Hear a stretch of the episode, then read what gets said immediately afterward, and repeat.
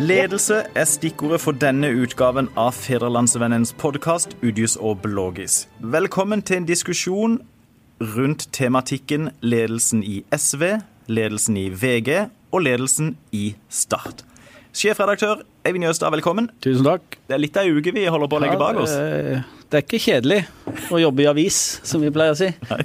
Og kulturredaktør Karin Kristine Blågestad, velkommen på telefon fra selveste Gardermoen og SVs landsmøte. Ja, takk for det. Det var gøy at du òg fikk deg en tur, da, Karin. Det er jo Vidar vi pleier å ringe til. Det er kjempegøy. Vi skjønner at du vant òg, du fikk SV, liksom.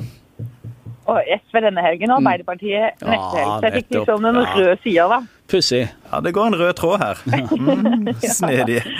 Du, Blågis, vi, vi, vi, begynner litt med det, og spørsmålet når det gjelder ledelsen i SV. Fordi at SVs landsmøte de skal velge ny nestleder etter Snorre Valen. Og da står valget mellom Karen Elisabeth Kaski, stortingsrepresentant fra Oslo, opprinnelig fra Finnmark, og stortingsrepresentant Torgeir Knag Fylkesnes fra Troms.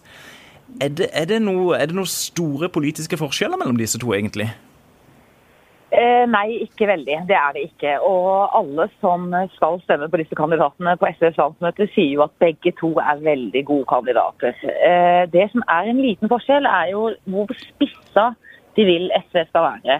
Kaski ønsker å forsterke budskapet om ulikhetskrisen og klimakrisen, som de kaller det.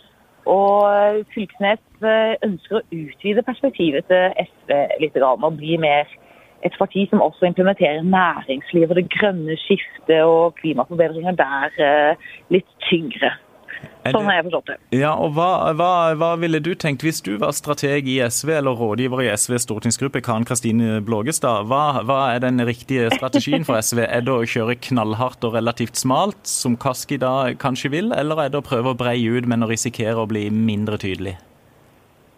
Eh, jeg syns eh, det er en interessant refleksjon som eh, den Agder-delegasjonen fra Sosialistisk Venstreparti har gjort seg. For Mali Steire og Tonfon f.eks. sier jo at eh, vi har allerede SV-velgerne i SV. De offentlig ansatte kvinnene f.eks. og sånn, sånn. De har liksom kjøpt og, og godtatt og akseptert og vil kjempe for dette veldig spissa SV-budskapet. Så skal vi ha enda flere velgere, så må vi utvide oss litt. Og at det, grønne skiftet er helt sentralt i politikken i SV. Altså Det har med klimaforandring å gjøre, og med denne ulikhetskrisen å gjøre, som de kaller det. Og, og da må også de tenke litt penger og butikk og næring og, og, hvordan de skal på en måte gjøre det. Så for å skaffe nye velgere, så syns jeg kanskje at den tanken om å gjøre Folkepartiet mer folkelig og bredere for flere folk, er en besværende tanke. Kanskje. Hva, hva, hva ville du tenkt, deg, Eivind? Nei, eh, eh, hva ville jeg tenkt om det? Ja, for, for, ja, for, Nei, jeg ville Jeg syns jo det jeg har vært omtalt som en nesten en sånn litt sånn sjarmerende strid. Fordi den, det er ikke så veldig sterke fronter der. Noe, det er forskjellige kjønn og forskjellige landsdeler. Men nå, ellers virker det det er kanskje for sterkt å si hipp som happ, men, eh, men, det er ikke liksom et voldsomt veivalg, framstår det som. Men, men, men, samtidig så står vel SV òg litt i den ja, i det dilemmaet som egentlig alle litt mindre partier står i, nemlig om man skal kjøre knallhardt på et par saker hvor man har til en viss grad sakseierskap, eller om man skal prøve å breie ut og bli, som Karen sier, et, et litt mer folkeparti. Men da risikerer man jo også å bli Ja, og på en måte spre ressursene sine og kanskje Og det tenker jeg noe om. For jeg syns det er rart med disse minst små partiene som skal prøve å være så breie, fordi det syns det, Eller det tror jeg er en feil strategi. da. Hvis du er så små som eh, de minste partiene på Stortinget, så må du være veldig spissa på Gi meg én grunn til å stemme SV, liksom. Men, men er, det ikke, er, det ikke, sympatisk med politiske partier som prøver å meise ut eh, løsninger som er gode og ideologisk fundert på flere sektorer, ikke bare på én? At de har et hjerte for uh, alt i samfunnslivet og ikke bare skal ha et spissa budskap. Jeg syns jo det er bra at de har litt helhetlige løsninger hvis vi skal bli en befolkning som bare skal stemme på sak. Og alle, alle, alle, partier med respekt for seg selv mener jo at de har et helhetssyn og blir veldig irritert når journalister stempler de som en sånn én, to, tre-sakspartier. Men eh, KrF står jo midt oppi det samme, det samme dilemmaet, og, og de, de, har tatt veldig selvkritikk på at de i forrige valgkamp kjørte liksom alt ifra, ifra skole til, til forskjeller til tradisjonelle KrF-saker. og de de evaluerte etterpå at de ble utydelige på alt, for, fordi at de var liksom ikke nummer én-parti for noen velgere. Venstre sliter jo med det samme. Altså, hva er, liksom, hva er saken? Um, det, men, men SV, jeg... det er forskjell på de partiene og SV, og det er jo at SV sliter jo ikke som KrF og Venstre. De, de, er jo absolutt, og de er jo i framgang, men du skal ikke mer enn ja, noen få år tilbake, før SV kjempa med nebb og klør mot sperregrensa sist eh, mm. stortingsvalg, eh, men, men fikk, da en, eh, fikk, da et oppsving. Så de er jo på gang, absolutt SV. Og da er det vel et strategisk dilemma òg, eller utfordring, hva de, hva de, skal legge seg på å prøve å nå nye velgere med nye saker, eller, eller å kjøre på, på, de, på, de, to sakene der. Men ellers, ellers Karen, er det, er det noen andre store ting, tenker du, som vil dominere landsmøtet til SV i helga? Jeg er litt usikker på det. De har jo flere litt sånn vanskelige saker. SV de har jo en liten bunte i forhold til eh, arbeidsliv og arbeidsinnvandring og det de mener er sosial dumping. De har jo stort tema rundt velferdsprofitører, som, som, de kaller det, og som også er en viktig sak for dem. Og så er jo det et lite skifte i Altså, eller ikke skifte. Eh, det er jo en liten utfordring i klima- og miljøpolitikken i forbindelse med vindkraft. Og Mali Steinar og Tronsmoen fra Agder f.eks., her hvor vindkraft er en veldig svær sak nå, de ønsker jo at man skal si nei til mer vindkraftutbygging på land. De vil ha den plantet i havet. Eh, så Det blir også en sak når klima og miljø står mot hverandre. Det er jo en litt sånn eh, interessant og litt vanskelig sak for venstresiden og miljøbevegelsen for den saks skyld. Veldig, veldig interessant. Eh, men, men ja, Eivind? Ja, også skal jo Det blir interessant å høre Lysbakkens tale òg. jeg mm. syns jo han er en flink politiker, men han har jo en tendens til å bli sånn hamre løs mot og og sånn rase mot og sånn. Så, og det vil han sikkert gjøre nå òg, mot skatteflyktninger og andre. Men, eh, men det, der, det, er jeg spent på i forhold til det hun Tronsmoen sier til oss i et intervju i dag, det er om å dra SV eller dra Arbeiderpartiet til venstre. Fordi Der tror jeg de har litt drahjelp nå på meningsmålinger. At en del som er misfornøyd med Arbeiderpartiet, men som tilhører venstresida, kanskje da sier at de ville stemme på SV nå. Uh, så jeg syns hun er inne på noe, da, hvis hun prøver å se det med SV-briller, når hun sier at Ap går sammen med Høyre i altfor mange saker. De må markere tydeligere. Og, og, da, mm. og, da, er hun jo også rett inn i den interne debatten i Arbeiderpartiet. Ja. Samtidig er jo det også et dilemma, for det er klart hvis Arbeiderpartiet da tar et par skritt mot venstre, så vil det jo være fristende for nye SV-velgere å gå tilbake til Arbeiderpartiet, som de da tidligere har forlatt i protest. Så eh, ja, nei, det, det, er alltid noe for oss å diskutere, iallfall, og kunne mene noe om. Det er jo fantastisk. Du, eh, eh, Karen Blågestad. Eh, det er ellers eh, Ja, du, du, har lyder i bakgrunnen. Det er, dette, dette, er live og, live og, bra. Men du, eh, avslutningsvis ifra selve SV-landsmøtet, eh, Karen. SV er jo ikke Det er jo liksom ikke Sørlandet er jo ikke den største landsdelen for, for SV. Nei. Har de på en måte Du har nevnt Mali Steiro Tronsmoen, som, som jo er ordførerkandidat for de her i Kristiansand. men hvordan ser de liksom på utsiktene til til å, få til vekst her på, på, Sørlandet? Har du inntrykk av det? Jeg tror de har, de har, masse på hjertet og masse de skal gjøre og masse planer. Så når jeg ankommer selve møtet, for foreløpig er jeg på flyplassen, det må jeg innrømme, så, nå, så har jeg masse avtaler med eh, delegasjonen og sånn. Og jeg skal hilse på et par nye mennesker som jeg ikke har møtt før. og sånn, og så er det jo Eh, det vil jo sikkert bli litt spesiell stemning der, for det går rapporter om at det kommer rett og slett veldig mange nye SV-medlemmer på landsmøtet, som er på sitt første landsmøte ever. og Det vil jo sikkert bli litt eh, spesielt, og kanskje litt derfor. Og jeg må jo si det til Eivind sa med, med Lysbakken og sånn. han er jo kjent for å være en briljant eh, debattant, Lysbakken, og en god taler. Og for vi som er interessert i språk og retorikk og alt det der, så er det alltid gøy å høre gode talere. og selv om han kan handle litt, så har han jo også en fin humor. Lysbakken. Det er jo veldig gøy å høre landsmøtetalen, for det er jo på en måte noe av det viktigste en partileder gjør, gjør i løpet av et år. Når de skal gi energi til alle sine medlemmer eh, helt inn i høsten.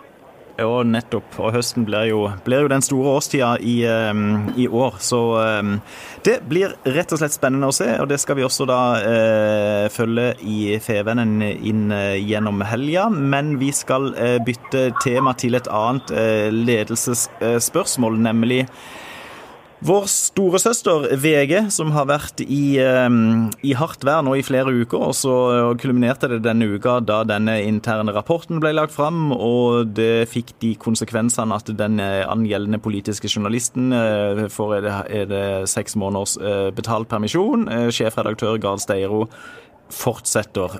avisen tar selvkritikk på, på, det de har gjort. Eivind Jøstad, du er sjefredaktør. og og har jo sett denne saken med de brillene på. Og i lys av det så skrev du en eh, nokså kritisk kommentar om VGs krisehåndtering i vår, i vår avis.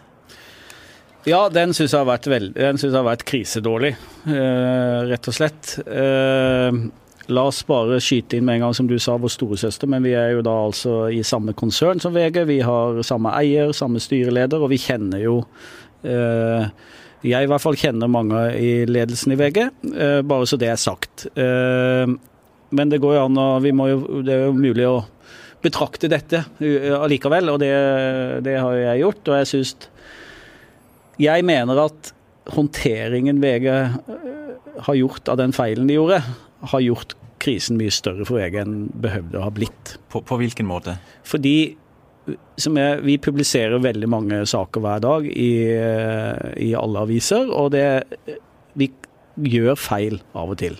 Og da er det jo, når vi gjør feil, så er vi jo veldig opptatt av å prøve å få retta opp i det så fort som mulig, og beklage og slippe til eventuelt folk som burde ha sluppet til i saker osv. Og, uh, og det Eh, blir vi ofte målt på da hvordan vi retter opp feilene våre. Og Det er her det har gått galt for VG, fordi at de har nølt. Øh, Snakka øh, litt forbi hverandre, virker det som, osv. Så sånn at det som var en alvorlig feil, øh, har, som ville gi, ga VG et kraftig skrubbsår.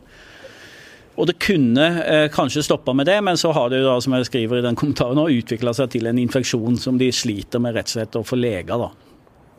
Men, eh, hva tenker du nå som det har gått jeg går helt i surr i disse dagene. Har det gått halvannet døgn siden pressekonferansen, kanskje? Ja, det var onsdag kveld. Ja, riktig. Ja, hva, hva, hva, tenker du om det du nå sier, i lys av det halvannet døgnet som har gått etterpå? Har, Nei, så syns jeg jo det er bra når VG da kommer eh, omsider på banen og hadde en pressekonferanse hvor ledelsen stilte og fortalte og beklagde nok en gang, og offentliggjorde sin evaluering.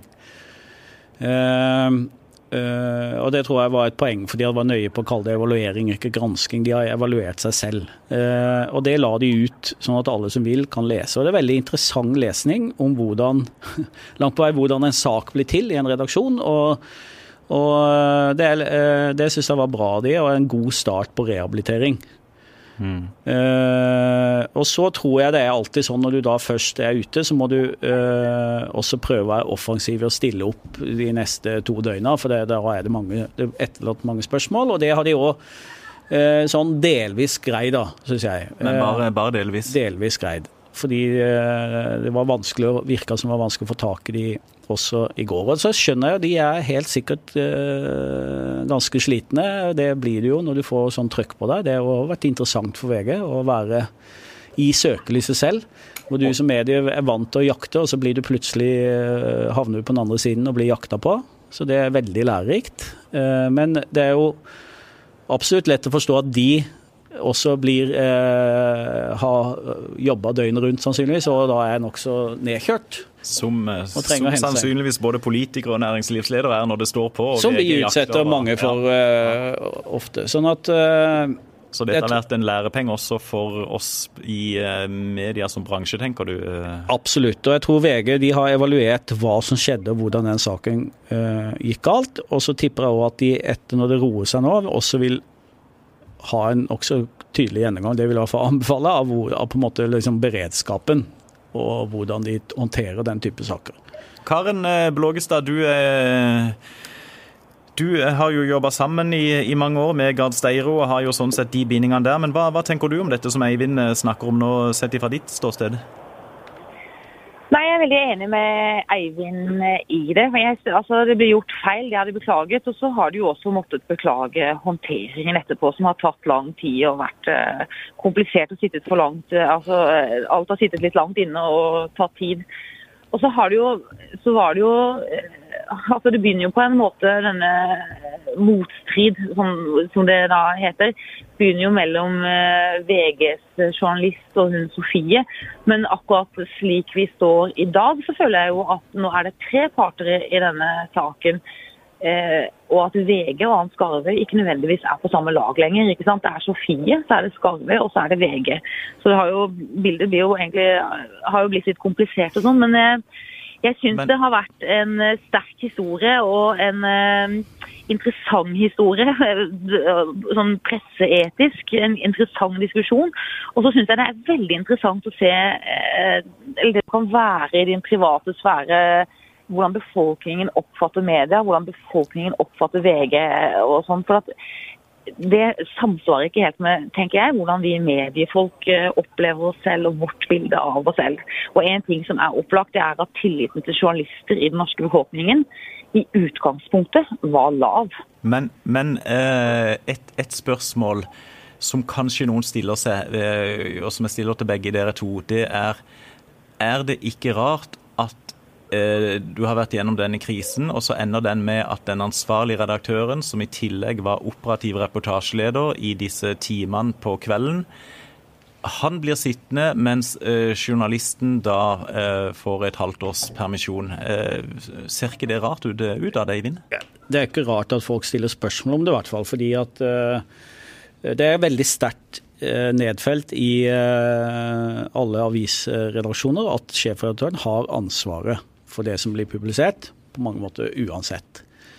Eh, og så er det ulik grad man har vært involvert osv., men man har ansvaret. Eh, eh, og som regel så, så, stopper det egentlig der at redaktøren tar ansvar, og journalistene blir nokså beskytta i den type diskusjoner. Eh, her tror jeg ikke det var til å unngå at det også ble søkelys på den uh, journalisten. Uh, og så har man da uh, gjort den vurderingen i VG at reporteren får et halvt års permisjon med lønn, mens redaktøren blir sittende. Det er det styret som må beslutte, altså i forhold til redaktøren. Jeg tror og antar at man har tenkt på VG her. At VG har fått et en ripe i lakken som går på tillit og omdømme, og Da må man spørre hvem, hva, hva, hvordan reparerer vi det raskest? Hvem er best til å gjøre den reparasjonen? Og så har styret da, vil jeg anta, tenkt, ment at det er den sittende sjefredaktøren, og da fortsetter han. Karen, du var inne på dette med, med tillit til media. Det, det, handler jo også om oss i Federlandsvennen og andre, andre mediebedrifter. Ehm, hva, hva, kan, kan, vi andre gjøre noe for å gjenopprette den tilliten som nå er eh, svekka? Ja, Vi må jo bare fortsette med det vi gjør. Prøve å ha høy integritet og være oss bevisste på alt vi gjør og sier, og hvordan vi intervjuer og hvem vi intervjuer under, og under hvilke omstendigheter osv. Så, videre. så vi må jo bare jobbe på og prøve å være så etisk bevisste som vi kan. Og Det har jo vært en fantastisk utvikling i media rundt etikk de siste ti årene. Det er en mye mer ryddig bransje nå enn det var for ikke så veldig mange år siden. Men jeg tror fortsatt at folk flest mener at altså de er litt forskrekka noen over, eh, over denne saken. Fordi jeg tror at for noen så er det litt sånn er dere så forbausa over dette? Er det ikke sånn liksom, tabloidene holder på? Er det ikke sånn journalister holder på? Er det vrir og venger på sannhet og får fram gode, spissa saker og sånn og sånn? Så for, det gjør meg jo det... lei meg. For, lei meg, for at eh, jeg opplever jo, når vi diskuterer denne saken eh, utenfor våre egne medieboble, at eh, forventningene til pressen er litt sånn ja, hva tenker du, Eivind? Det... Nei, altså Det som gjør denne saken alvorlig, er at det handler om uh, den tilliten som alle redaksjoner er avhengig av å ha til leserne sine. At leserne stoler på det som står i avisen. Jeg tror Karen er inne på noe der, og det er jo som, som vi har sagt mange ganger. Jeg tror at mediebransjen har vært dårlig til å fortelle om hvor ordentlig vi egentlig er. Det er ja, det er klart vi er pågående, og det gjøres feil av og til. men Men uh, vi er i bunn og grunn veldig nøye. Og det er, vet jeg at VG er. Uh, har høy etisk bevissthet og standard. Og så gikk det galt her, men det betyr ikke dermed at de gjør det i alle andre saker. Tvert imot. Og det er jo det som forhåpentligvis denne saken kan føre til. At det blir diskusjoner i alle medier, og at man går igjennom reglene sine, kildehåndtering, etikk osv., og, så og kanskje skjerper det inn, og at vi blir enda flinkere da enn vi er. For det at Karin har rett i at det har vært en enorm skjerping på de eh, områdene der. Fordi, som sagt, så er tillit eh, ute hos leserne våre på en måte det viktigste verdien vi har, da. Så jeg tror egentlig at kanskje det kan føre til at eh, mange redaksjoner uh, blir enda mer bevisst på hvordan man gjør dette. Så må jeg bare legge til at VG uh, jeg tror på mange måter at når den, krisen først traff noen, så at, eh, at den traff VG er i hvert fall bra på den måten at de har muskler til å komme sterkt tilbake, og det har jeg forventning om. Jeg tror VG vil vise gjennom veldig god journalistikk, både på politikk og nyheter og alt, at eh, Rett og slett fordi de er så store? Ja, og, og har veldig mange av landets beste journalister. Og, og det, det, er jo den beste måten de kan komme ut av denne krisa på, er å levere kontinuerlig god journalistikk. Nå skal det være en svær journalistkonferanse i helga som heter Scoop-konferansen, som er de, den største konferansen. Der deles det ut priser for fremdragende arbeid, og jeg er ganske sikker på at VG kommer til å vinne noen priser der, fordi at de det siste året har levert veldig mye outstanding bra journalistikk. Så det er kontrastfullt for VG-medarbeiderne disse ukene. Blågis veldig kort replikk, for vi skal tilbake til Start. Nei, ja, ikke sant. Jeg vil bare avslutte da litt med patos og si at det norske samfunnet trenger et sterkt og offensivt eh, VG-hus. Så vi får bare ønske at de kommer seg på beina igjen, og at tilliten kan gjenopprettes mellom lesere og VG, og også mellom publikum for øvrig og media generelt. Var ikke det en bra avslutning? Det var i alle fall uh, en sterk samling om VG, så det, uh, det tar vi med ja. oss. Og på vegne av Skipsted så takker vi for det, ja. Tired of ads barging into your favorite news podcasts? Good news. Ad-free listening is available on Amazon Music for all the music plus top podcasts included with your Prime membership. Stay up to date on everything newsworthy by downloading the Amazon Music app for free or go to amazon.com slash news ad free. That's amazon.com slash news ad free to catch up on the latest episodes without the ads.